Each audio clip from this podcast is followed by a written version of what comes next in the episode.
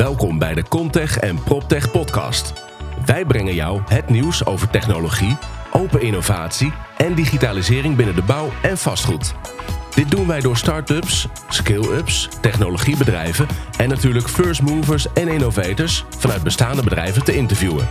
Ik stel je graag voor aan de host van deze podcast, Wouter Truffino, de CEO en founder van Holland Contech en PropTech. Vandaag een interview met uh, Jurjen Knijtijzer.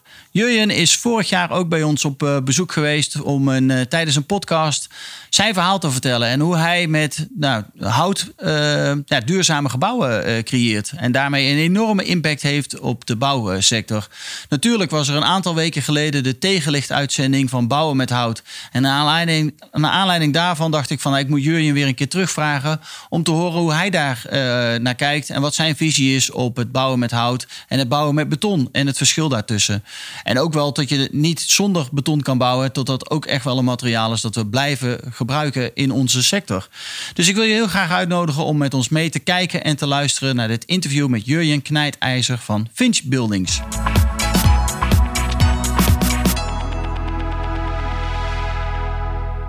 Vandaag zitten we met Jurjen Knijtijzer voor de tweede keer. Klopt. Want podcast aflevering nummer 12 was ook uh, met jou. Uh, zie je maar. Ja, en toen hebben we het heel erg gehad over wat jullie aan het doen waren als, uh, als Finch Buildings. Vandaag gaan we eigenlijk wat vragen ook behandelen die ook volgens mij ook voor een gedeelte terug zijn gekomen in de tegenlichtuitzending over bouwen met hout. Klopt helemaal. Ja. Van een paar dagen, van een paar weken geleden inmiddels. Ja. dus ik heb er heel veel zin in. Ik ook.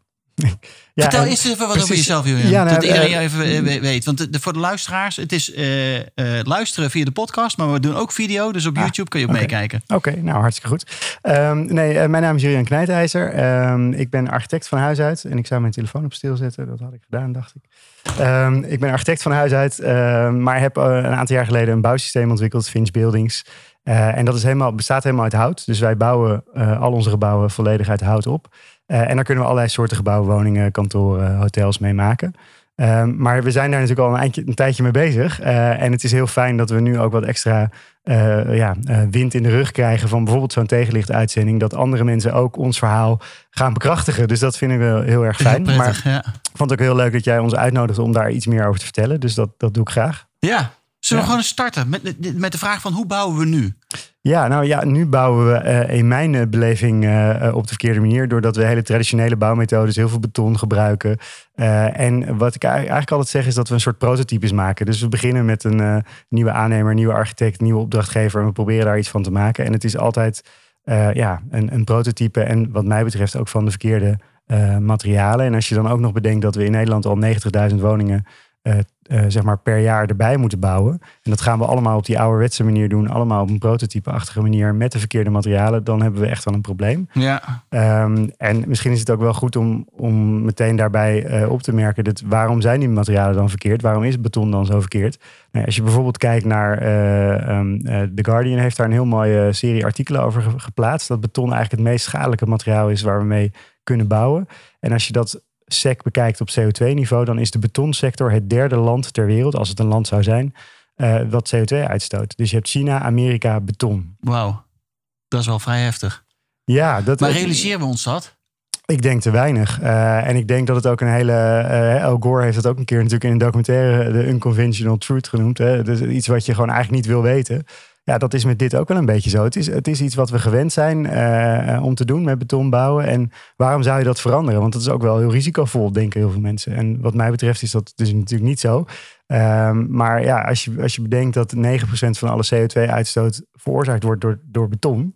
Uh, en maar 2% van die CO2-uitstoot uit de luchtvaart komt. Ja. Dan denk ik dat we wel een. Uh, ja, vliegschaamte hebben we wel, dus het wordt tijd voor betonschaamte, zeg ik dan maar even heel grof. Ja. Nou ja, ik ben heel benieuwd. Maar je had een aantal feitjes ook volgens mij meegenomen vanuit The Guardian, of niet? Ja, nou wat ik, wat ik bijvoorbeeld ook mm. fascinerend... dat heeft misschien niet zo eens zozeer uh, iets te maken met CO2-uitstoot of klimaatverandering. Maar als je kijkt naar het totale gewicht van beton... Uh, en je vergelijkt dat met alle natuurlijke materialen op aarde... dus alle planten, bomen, dieren...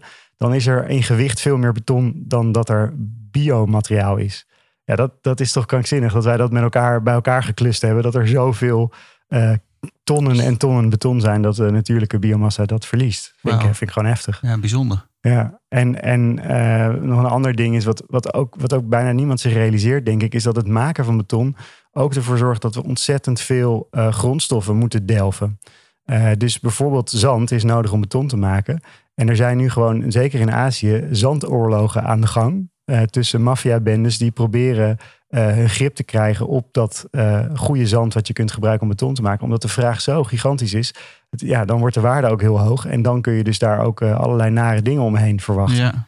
Dus, het, dus, dus het gebruiken van beton, wat voor ons eigenlijk. En ik ben ook zo opgeleid. Hè? Ik heb uh, opleiding HTS en daarna architectuur. Je wordt gewoon eigenlijk word je met de paplepel ingegoten dat je met beton bouwt. Er zijn niet zo heel veel andere mogelijkheden. Terwijl, ja, die, die gevolgen, die wist ik toen niet. En die weet ik inmiddels wel. Dus ik vind het heel leuk dat we daar vandaag over hebben. Dat ik ook meer mensen hopelijk daarvan uh, kan inspireren, ja, kan inspireren dat het anders kan en moet. Ja. Ja, en, en dan hebben we het ook nog niet eens gehad over de gezondheidsaspecten. Weet je wel, uh, als je kijkt naar uh, Delhi, dat is een stad, dat is nu ook ontzettend in het nieuws. Er is heel veel smog. India. India. Ja. En 10% van die smog wordt veroorzaakt door het maken van beton in die stad. Nou, bizar. Dus ja, het draagt aan zoveel uh, problemen bij wat we eigenlijk niet eens weten. Als we dat anders zouden kunnen doen, ja. ja. precies. Dan hebben we er echt wel impact. Ja, wat is de uitkomst als er dan als er eigenlijk niets verandert? Nou ja, wat je dan gaat zien is dat er natuurlijk ontzettend veel uh, mensen, ook in opkomende economieën. Ik heb vorige keer in, uh, in podcast nummer 12 ook verteld over de, wat wij doen in de Filipijnen. Heel kort. Hè. We zijn daar bezig met een, met een project, drijvende woningen. Drijvende woningen. Ja. Maar als je in, uh, in de opkomende economieën kijkt, waaronder de Filipijnen, dan zie je dat er ongelooflijk veel mensen zijn die um, eindelijk zover uh, zijn dat ze een, een volwaardig huis kunnen maken. En hun keuze zal zijn een betonnen huis. Als we niks doen, is dat de eerste keuze. Want dat doen we in het Westen ook. Dus het hebben van een betonnen huis is ook iets wat ja, bijdraagt aan je status, zeg maar. Dus heel veel mensen in al die opkomende economieën willen op eenzelfde manier gaan bouwen als dat wij dat doen. Ja, en, en, en, ik, en ik gun ze dat natuurlijk van harte. Ja, maar, dat, zijn er wel heel veel. Dat zijn er wel heel veel. En, en, en dan is het natuurlijk makkelijk om te zeggen: ja, nee, dat mogen zij dan, moeten zij dan anders doen. Dat doen we met die fossiele industrie natuurlijk ook. En wij hebben als westerse wereld jarenlang die fossiele brandstoffen opgestookt. En we zeggen nu: uh, er is een klimaatprobleem, moeten jullie ook niet meer doen. Uh, ja, opkomende economieën. Maar dat krijg je met bouwen eigenlijk in het klein ook nog een keertje. Ja, die, die, die betonvraag en die betonhonger kan je niet ook nog in al die opkomende economieën stillen. Dat gaat niet goed. Ja, niet goed. Maar ja, dan even de positief. Want hoe, hoe ziet bouwen met hout er dan uit? Nou ja, uh, je zou kunnen zeggen eigenlijk heel erg uh, hetzelfde als met beton. Maar dan zonder allerlei schadelijke bijeffecten. Je kan nog steeds heel veel maken wat je in beton ook kan maken. En laat ik misschien, het is ook wel goed om misschien even aan te geven dat beton niet per se voor alles slecht is. Soms er zijn toepassingen, bijvoorbeeld als je hoogbouw gaat doen en je wil, uh, met een, een, een uh, je wil daar echt uh, een toren van maken. Ja, dan is het wel verstandig om bijvoorbeeld de kern van beton te maken. Dat is een materiaal wat heel goed is in stabiliteit. Ja. Nou ja, dat soort zaken zijn, zijn eigenlijk helemaal niet verkeerd. Laten we dat dan vooral gebruiken. Maar dan de rest van die toren kan prima in hout. En zo zou je dat voor heel veel toepassingen zou je om kunnen naar een bio-based uh, variant. Ja, dus jij zegt ehm, ook niet van we gaan in één keer helemaal stoppen met beton. Ja, dat, nee, je moet beton inzetten daar waar het goed, is. En ja, datzelfde, datzelfde geldt voor staal precies hetzelfde. Ja. Um, maar ik denk dat wel de bulk van wat we bouwen uh, zou moeten bestaan uit hout. En dat heeft een ander voordeel. Je kan ook heel makkelijk in een fabriek bouwen met hout. Uh, dat komt omdat het natuurlijk wat lichter is. Je kan het makkelijker handelen. Het is makkelijker te bewerken dan beton. Het is daardoor flexibeler. Uh, en dat maakt dat je, dat je er eigenlijk ook nog veel sneller mee kan bouwen, in mijn overtuiging, dan met beton. Ja, en ook waarschijnlijk met veel minder uh, restmateriaal. Ja, je kunt veel, uh, je minder veel efficiënter. Ja. ja. en het is ook nog eens een keer prettiger om ermee te werken. En je hebt geen droogtijd, dus daarmee is het ook nog weer sneller. Dus er zijn ontzettend veel voordelen, denk ik, aan met hout bouwen. Um, als je dan toch in die fabriek gaat bouwen, dan gaat waarschijnlijk je faalkosten gaan naar beneden. Omdat je repeterend uh, dezelfde dingen gaat doen. En niet uh, in weer en wind ook uh, buiten staat te handelen. Ja, goed. En, en natuurlijk, je hebt minder mensen nodig om het te doen. En dat is in deze tijden ook wel best prettig. want het is nog niet zo makkelijk om een bouwvakker te vinden op dit moment. Um, en misschien is het ook wel, wel, ja, weet je, wat is dan bouwen met hout? Dan, dan wat mij betreft is dat dus niet houtskeletbouw, maar is dat bouwen met cross-laminated timber. Wat is, ja, CLT noemen ze dat ook wel, toch? En maar wat is CLT dan? Ja, CLT, of je zou kunnen zeggen uh, um, um, gelamineerd hout. Dat is eigenlijk de, de verzamelnaam waar CLT ook onder valt. En CLT is, de naam zegt het eigenlijk al, cross-laminated. Het is in verschillende richtingen gelamineerd hout. Uh, waardoor je eigenlijk een soort mega-multiplex krijgt. Zo leg ik het vaak uit. Uh, dus waar je een normaal een tafelblad maakt van multiplex, kan je nu gebouwen maken van eenzelfde soort constructie, planken van een aantal centimeters dik, die je in verschillende richtingen aan elkaar lijmt. En dat wordt vervolgens heel sterk, zet niet meer uit uh, en kan je dus prima gebruiken om mee te bouwen. Cool. Maar dan is volgens mij is dat hout ook nog eens gezond. Ja, Wil je daar ook nog eens wat over vertellen? Want uh, ja, hout is ook nog een, een ademend materiaal. Uh, en dat betekent dat als je te veel, uh, ja, te veel vochtophoping krijgt, dan kan het opgenomen worden door dat hout. En dan kan het daarna weer afgegeven worden als je vochtbalans weer een beetje terugloopt. En dat betekent in de praktijk dat je geen schimmelvorming kunt krijgen. En dat is vaak een groot probleem bij met name kleinere woningen. Uh, dat daar ja, achter de gipsblaadjes en dat soort dingen schimmelvorming ontstaat. En dat kan eigenlijk niet met hout. En er zijn ook allerlei onderzoeken gedaan naar de gezondheidscomponent van hout. En ik vind dat altijd een beetje, ik schaam me er altijd een beetje voor om dat te vertellen. Omdat het nog zo ontzettend aan, aan de, we staan nog zo aan de oppervlakte van wat we daarvan weten. Maar de eerste signalen en de eerste onderzoeken wijzen echt wel op een, op een, op een aardverschuiving, zou je bijna kunnen zeggen. En dan is het altijd lastig om daar op mee voorop te lopen. Want dan zegt iedereen, je hebt een gaatje in je hoofd en je, bent, je spoort niet helemaal. Dat heb ik vier jaar geleden, toen ik vijf jaar geleden, toen ik met hout begon te bouwen, ook al gehad.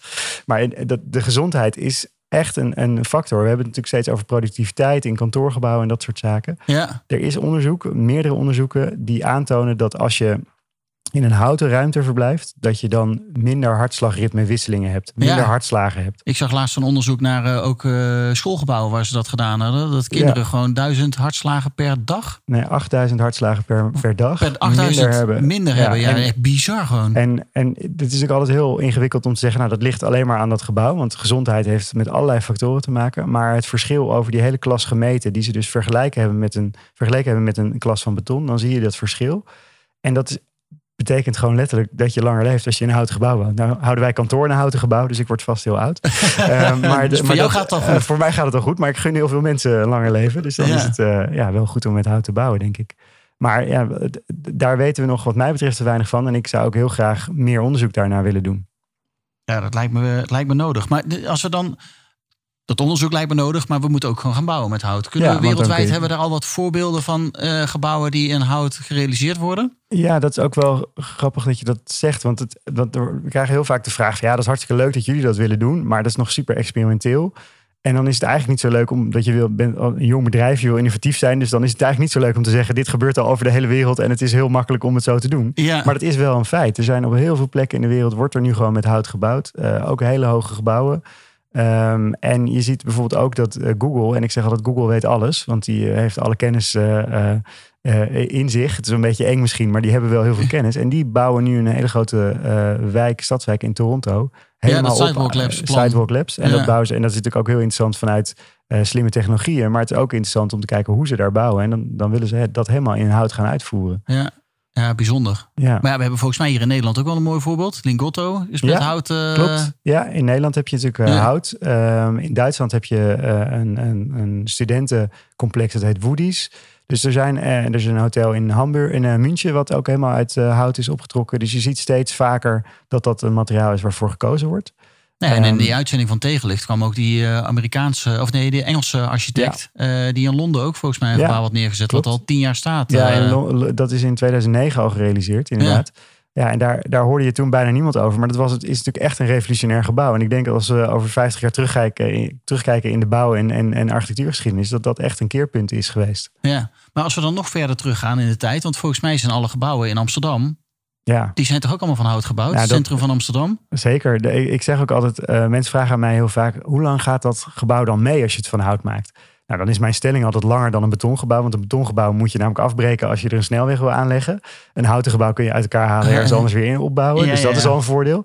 Maar tegelijkertijd, het oudste huis in Amsterdam is ontdekt door een, door een brand. Daar komen we zo ook nog over te spreken misschien. Maar, ja, ja, zeker. eh, eh, daar, ja, daar, daar, daar brandde van alles af. Maar het enige wat bleef staan was een houtconstructie uit 14 zoveel. Ehm, dus hout gaat echt heel lang mee als je het maar goed toepast. Ja, interessant. Hey, ehm, andere vraag die, eh, ehm, eh, waar we misschien wel gelijk op door kunnen gaan, is de, inderdaad die brandveiligheid. Ja, Want we hebben natuurlijk die, eh, nou, iedereen die denkt dan aan de, die, ook die toren in Londen. ja eh, dat die, ging met een name jaar- over plastic. Maar ja, goed, over plastic die in ja. de fik. Maar ja, dat krijg je vaak als eerste te horen. Ik ook op LinkedIn. En dan ben je die tegenlichtuitzending aan het promoten van jongens, we moeten iets doen met hout. Ja. Maar dan staat alles in de fik als we met hout gaan bouwen. Hoe brandveilig is het nou? Nou ja, het is eigenlijk heel erg brandveilig. Ook daar weer is het uh, um, uh, eigenlijk een, een, heel goed bouwmateriaal. Als je bedenkt dat je in Nederland een WBDBO-eis hebt, dus een eis van dat de brand in één appartement niet naar het andere appartement mag komen binnen 60 minuten. Dat is de eis in Nederland. Ja. Eén wand van CLT, 14 centimeter dik, heeft al een brandeis van 90 minuten. Nou, wij bouwen dan modulair, dan heb je dus nog meer dan dat, want je bouwt alles dubbel. Ja. Um, en we hebben ook een collega die is, werkt bij de vrijwillige brandweer. Uh, en die zegt, ik ga veel liever een houten gebouw binnen dan een gebouw van beton of staal. Want die zijn niet voorspelbaar. Die storten zomaar in, breekt, uh, uh, wordt slap. Terwijl hout brandt op een hele voorspelbare manier. We weten precies de inbrandingssnelheid van hout en daar kun je ook op ontwerpen. Um, en ik denk dat, dat en als je, dat, als je Glenveld als voorbeeld neemt, dat het vooral goed gekeken moet worden naar de, naar de gevels. Dus wat pas, maar dat, daar op die gevel zat plastic. En ja. ja. als je daar achter een spouw hebt en dit is verder allemaal niet beschermd, dan gaat het als een fakkel uh, gaat het omhoog. Uh, ja, wij passen standaard een brandwerende plaat toe achter onze uh, gevelbekleding, of die nou van hout of van iets anders is. Um, maar de, de constructie zelf is echt super brandveilig. Ja. ja. Ja, bijzonder. Dat, dat die, dan toch die vraag elke keer weer komt. Ja, maar ik snap het wel. Want het komt ook uit de historie voort. Hè. Vroeger bouwden we natuurlijk met open houtstructuren. Dus een soort houtskeletbouwachtige ja, structuren. En dan heb je heel veel zuurstof. En dan kan, er, dan kan er wel een flinke stadsbrand bijvoorbeeld ontstaan. Als je met massief hout bouwt, dan komt er geen lucht bij. En dan stopt het eigenlijk de brand. Het vormt Ja. een koollaagje, zoals een boom dat ook doet in een bosbrand. Ja. Uh, en dan stopt het eigenlijk de brand. Cool. Nog een paar van die vragen die heel Ja. veel gesteld worden over dit, eh, dit onderwerp. Is, is er dan wel genoeg bos? Ja, ook Want zo. ja, we gaan bomen kappen. Ja. en dat kan toch niet? Ik heb ooit een keer, ik zal geen namen noemen, maar ik heb ooit een keer een award niet gekregen. Omdat de jury zelf had bedacht dat dat inderdaad het geval was. Dat er Nee, dan joh. te weinig bomen zouden zijn. Dus ze zeiden heel gaaf idee, maar als we allemaal met hout gaan bouwen, komt dat niet goed. Nou, ten eerste is het goed om te vermelden dat vanaf 1900 de bossen alleen maar gegroeid zijn. Eh, dat komt omdat we steeds minder hout zijn gaan gebruiken. Dus we hebben in Europa een enorme houtvoorraad. Daar komt nog eens bij dat we die houtvoorraad eigenlijk heel slecht eh, inzetten. Dus we maken vooral eh, biomassa daarvan. Of we maken daar lucifers van. Of wc-rollen, papier. En je kunt naar veel hoogwaardigere toepassingen. Waardoor het ook dus veel langer meegaat. Eh, bijvoorbeeld door ermee te bouwen. En als je ermee bouwt en het gaat heel lang mee... kan je weer nieuwe bomen laten teruggroeien. Dus ja, ik, weet je, ik denk dat het super logisch is. Maar ik zeg het toch maar. Als je met hout gaat bouwen... werk dan met gecertificeerde houtsoorten. Waarvan het bosbeheer ook duurzaam is. Hè? Dus dat je weet Ja. dat als je drie bomen kapt... dat er vijf teruggeplant worden. Dat soort dingen zijn natuurlijk gewoon wel super belangrijk. Dat we dat, dat we dat goed doen. En dat, ook misschien ook wel aardig om te vermelden. Dus tropisch hardhout. Er wordt ook altijd van gezegd... ja, dat moet je eigenlijk niet doen. Ehm, ja, dat, ook daar geldt natuurlijk... eh, doe het alleen maar gecertificeerd. Maar als we het niet gebruiken... dan raken we het kwijt aan sojaplantages. Dus er wordt juist gezegd, ook door FSC Nederland... van gebruik dat tropische hardhout nou... eh, mits het gecertificeerd is. Ja, Want dan kunnen we die bossen beschermen. Want dan kunnen we duurzaam bosbeheer toepassen. ja precies. Ja, interessant. En toen kwam er in die tegenlichtuitzending ging het ook nog over eh, Finland volgens mij. Hoeveel seconden daar nodig was voor dat bos om weer een nieuw huis Ja, eh, ja. eh, te laten groeien, zeg maar. ja, wij, ik weet en het dat niet was voor... Niet heel voor weinig Ja. seconden. Nee, het gaat super snel. in, bij Staatsbosbeheer staat een, een houten kubus op tafel. Ehm, ik geloof van, van zeg maar 70 bij 70 centimeter of zo. En daar staat op dat het elke minuut in Nederland erbij groeit al. Ja, Eh, als je dan kijkt naar de Europese naaldhoutbossen, waar er natuurlijk veel meer eh, van is, dan zien wij dat een Finch-module, dus zeg maar een, een, eh, een, een studiowoning, die groeit in enkele seconden al terug. ja bizar. Ja. Ja. nee, dus dat is helemaal eh, super duurzaam. Ja, Maar weet je wat het goed beheert. Ja, precies. Ehm, een andere vraag, want ik heb straks nog wel een aantal vragen voor je. Maar hoe lang gaat het mee? Die vraag komt ook altijd op tafel. Van, Ja, die- ja, beton die- blijft toch veel langer staan? Ja, nou, dat, dat hebben we net al eigenlijk een beetje behandeld. Hè, met het feit dat het, dat het oudste huis in Amsterdam al van hout gebouwd is. Dus het blijft heel lang staan. Ja. Eh, als je het maar goed beschermt, en dat is natuurlijk ook wel weer een belangrijke. Bescherm het tegen de weersinvloeden. Dus eh, ga niet je constructie eh, naar buiten toe doorsteken en verbaasd kijken dat het dan gaat rotten. Eh, want dat is natuurlijk, dat weten eigenlijk alle bouwkundigen wel. Je moet het gewoon inpakken. En als je dat doet, eh, dan is er niks aan de hand. Dan gaat het eindeloos mee. Nou, ehm, laatste, even een van de laatste vragen. Is het dan ook niet veel duurder bouwen met hout? Ja, dat is, dat, ik snap wel dat dat een, eh, een, een vraag is die vaak voorbij komt. Eh, ik denk dat het eerlijke antwoord is ja, het is nu nog iets duurder. Eh, in de tegenlichtdocumentaire wordt gezegd het is niet duurder. Eh, Ja. Ik ben op zich ben ik dat wel met ze eens. Want als je het op de goede manier doet, hoeft het niet duurder te zijn. Maar ehm, het gaat er denk ik vooral om eh, hoe kijken we naar de wereld. Als je eh, de overheid eh, eh, moet ook naar een CO2-reductie, moet ci- circulair bouwen gaan ondersteunen. Ik denk dat het een kwestie van tijd is voordat er twee dingen gaan gebeuren. Eén, dat de overheid uh, het bouwen met biomassa of biomaterialen uh, gaat stimuleren. Uh, dan betekent dat er veel meer schaal in komt. En als er veel meer schaal in komt, want dat is denk ik een, een, belangrijk verschil met beton. Beton gebruiken we iedere dag in hele grote hoeveelheden, hout een stuk minder. Ja, schaal heeft schaalvoordelen. Hè, dat Ja, woord bestaat niet voor niks. Dan wordt het goedkoper. Dus het is, dat is een kwestie van tijd voordat een van die twee dingen ervoor zorgt dat het andere ook gebeurt, denk ik. Ja, dus als er schaal in komt, dan moet de overheid mee. En als de overheid meegaat, komt er schaal in. Dus het gaat elkaar versterken. Ja. En ik denk dat het ook als je vraagt, is het nou duurder? En moet dat starten vanaf de, eh, vanaf de overheid wat jou betreft? Of kunnen ook de, nou ja, de, de semi-overheid, woningbouwcorporaties, eh, de, eh, de beleggers, de Nou, investeerders, ja, kunnen ja, die tuurlijk. ook daar een rol in, in spelen? Natuurlijk, die, die En- kunnen daar zeker een rol in spelen. Als je puur gaat kijken naar wat kost dat ding en ik wil het allergoedkoopste, ja, da- dan kom je misschien niet bij hout uit. Maar als je kijkt wat is de maatschappelijke impact van wat ik doe en kan ik naar een lange, eh, kan ik een, een lange horizon hebben op mijn belegging. En ik denk dat er institutionele partijen zijn die zo kijken. Eh, en ik denk dat er corporaties zijn die zo kijken. Of ik weet zeker dat die er zijn. Ja, Eh, ja, dan, dan is het wel de logische keus, wat mij betreft. En ik zal je er nog iets anders bij vertellen. Ehm, onlangs hoorde ik Kees Vendrig eh, een verhaal vertellen. Dat is de hoofdeconoom van de Triodos Bank. En hij zei, we hebben een heel ander probleem in de bankensector. En dat is niet dat we niet genoeg doen, of dat we, hè, dat, dat we alleen maar innovatie moeten stimuleren. Maar we moeten vooral kijken naar wat hebben we nu en hoe gaan we daarmee om. Als er straks een CO2-belasting komt, en die komt er, ja, die gaat een keer komen. Ja. dan hebben we heel veel stranded assets, zoals hij dat noemde. Dus gebouwen die, ehm, eh, of, of bezittingen die een te grote band hebben met CO2-uitstoot. Laat ik het zo formuleren. ja. En dan betekent het dat je die moet gaan afwaarderen. Je ziet het in de kantorensector. Daar moeten we allemaal naar een Label een C een label A uiteindelijk. En uiteindelijk Ja. naar label A. Nou, ik las van de week ook weer, daar werd ik een beetje zagrijnig van, dat er een aantal institutionele partijen zijn die zeggen dat doen we niet, want, want de overheid gaat toch niet eh, eh, eh, handhaven. Ja, dan denk ik, kom op jongens, er moet zoveel gebeuren. En uiteindelijk gaat het je geld kosten. En dat zegt Kees Vendrik dus eigenlijk ook. Je krijgt stranded assets. Gewoon wat je met de fossiele industrie ook zag. Hè, de, de, eh, en met de hypotheken heb je ook gezien. Op een gegeven moment krijg je bad banks of, of, of portfolio's waar je vanaf moet. Dat ga je met vastgoed ook krijgen als je nu niet iets doet. Ja. En dan wordt het heel veel duurder. Hey, ehm, om het af te ronden, eh Julian. Ik zie heel veel vraagstukken voorbij komen. Op die, die- ik had een post voor de, over die tegenlichtuitzending. 60.000 likes. Nou, ik denk, het is hier, eh, of Ja. views. Dat Ja. was echt immens veel. Maar ook heel veel mensen met vraagstukken van over hout. En eh, vrij negatieve associaties met bouwen met hout. Ja. Maar hoe kan het nou dat we die vragen allemaal stellen... en die vragen eigenlijk niet stellen over beton? Ja, nou, nou, dat- ja, dat, ja, god, dat is een hele goede vraag. Maar ik denk dat dat alles te maken heeft met, Met- wat we gewend dus zijn. de gewenning? Ja, we, we, zijn in, we zijn in Nederland een, eh, een, minerale cultuur, heb ik laatst iemand horen zeggen. Nou, dat is denk ik wel een heel mooie manier om het te zeggen. We zijn gewend om het zo te doen. En de mens is, dat weet jij alles van als je innovatie Nee, probeert ja, aan te het jagen. is- Het is super moeilijk om. Hoe krijgen we dit aangejaagd? Wat is Nou jouw... eh, Ik denk dat het, dat het een combinatie is van al die zaken. Dus de overheid zal een stapje moeten zetten, denk ik. En ik hoop dat ze dat ook Ja. gaan doen. Ik denk dat, eh, ik denk dat, eh, dat de partijen die opdracht, als opdrachtgever fungeren in de markt ook echt iets kunnen doen. Ehm, en ik denk ook dat consumenten iets kunnen doen. Want die kunnen, gaan op een gegeven moment ook zeggen, en dat zie je nu al steeds vaker. Die zeggen, ja, nee, ik wil eigenlijk niet meer in zo'n betonnen gebouw Ja, ik, kreeg, ik kreeg van ook naar aanleiding van tegenlicht best veel eh, zeg maar, mensen in mijn omgeving. Die zeggen, hé, is beton dan slecht? Eh, want eh, ik, ja, die zijn gewoon een beetje bang geworden. Ik ga een nieuw huis kopen, maar is beton nou slecht?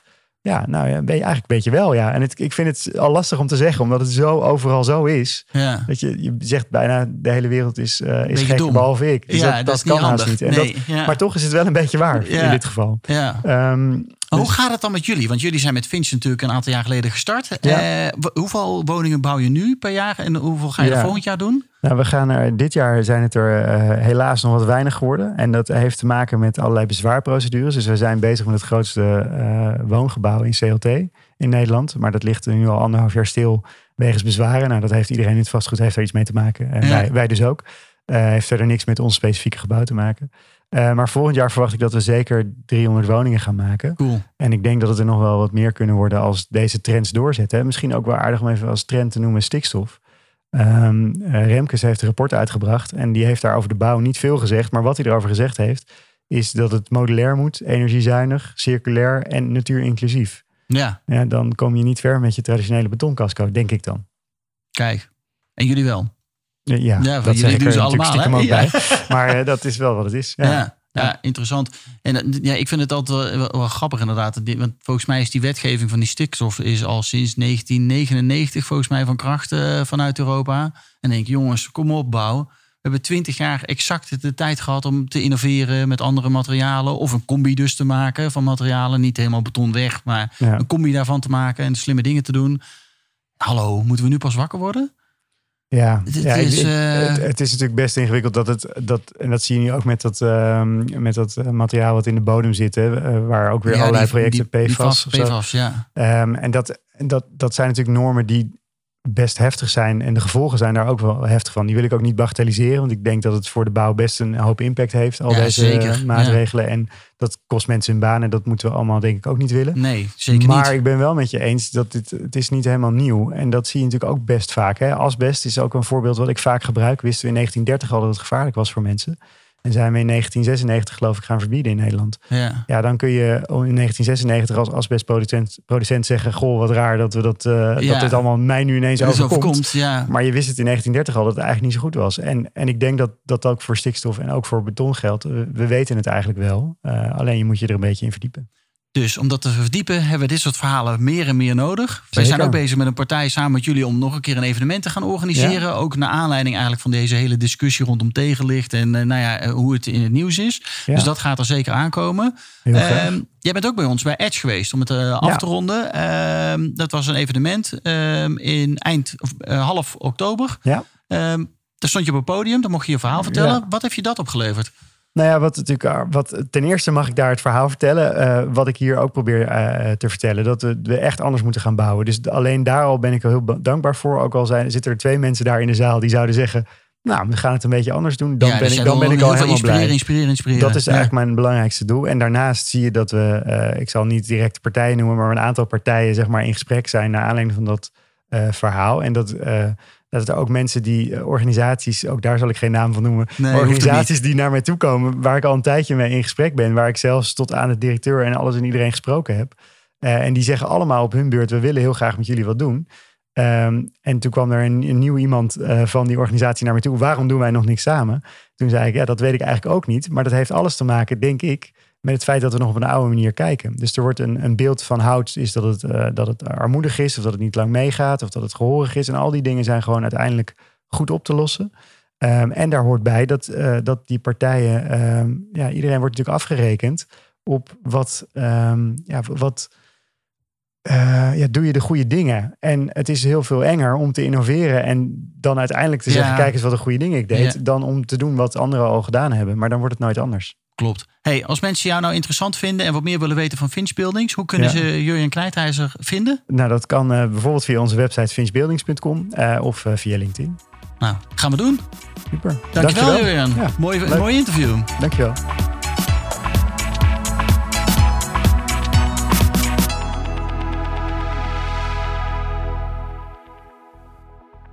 Dat was hem weer, de aflevering met Finch Buildings met Jurjen Knijtijzer. Nou, ik hoop dat jullie allemaal gaan bouwen met beton en met hout, want er zit zeker een combi in. Dus uh, ik wil je een hele fijne dag toewensen en volgende week maandag zien we je weer terug met een nieuwe aflevering.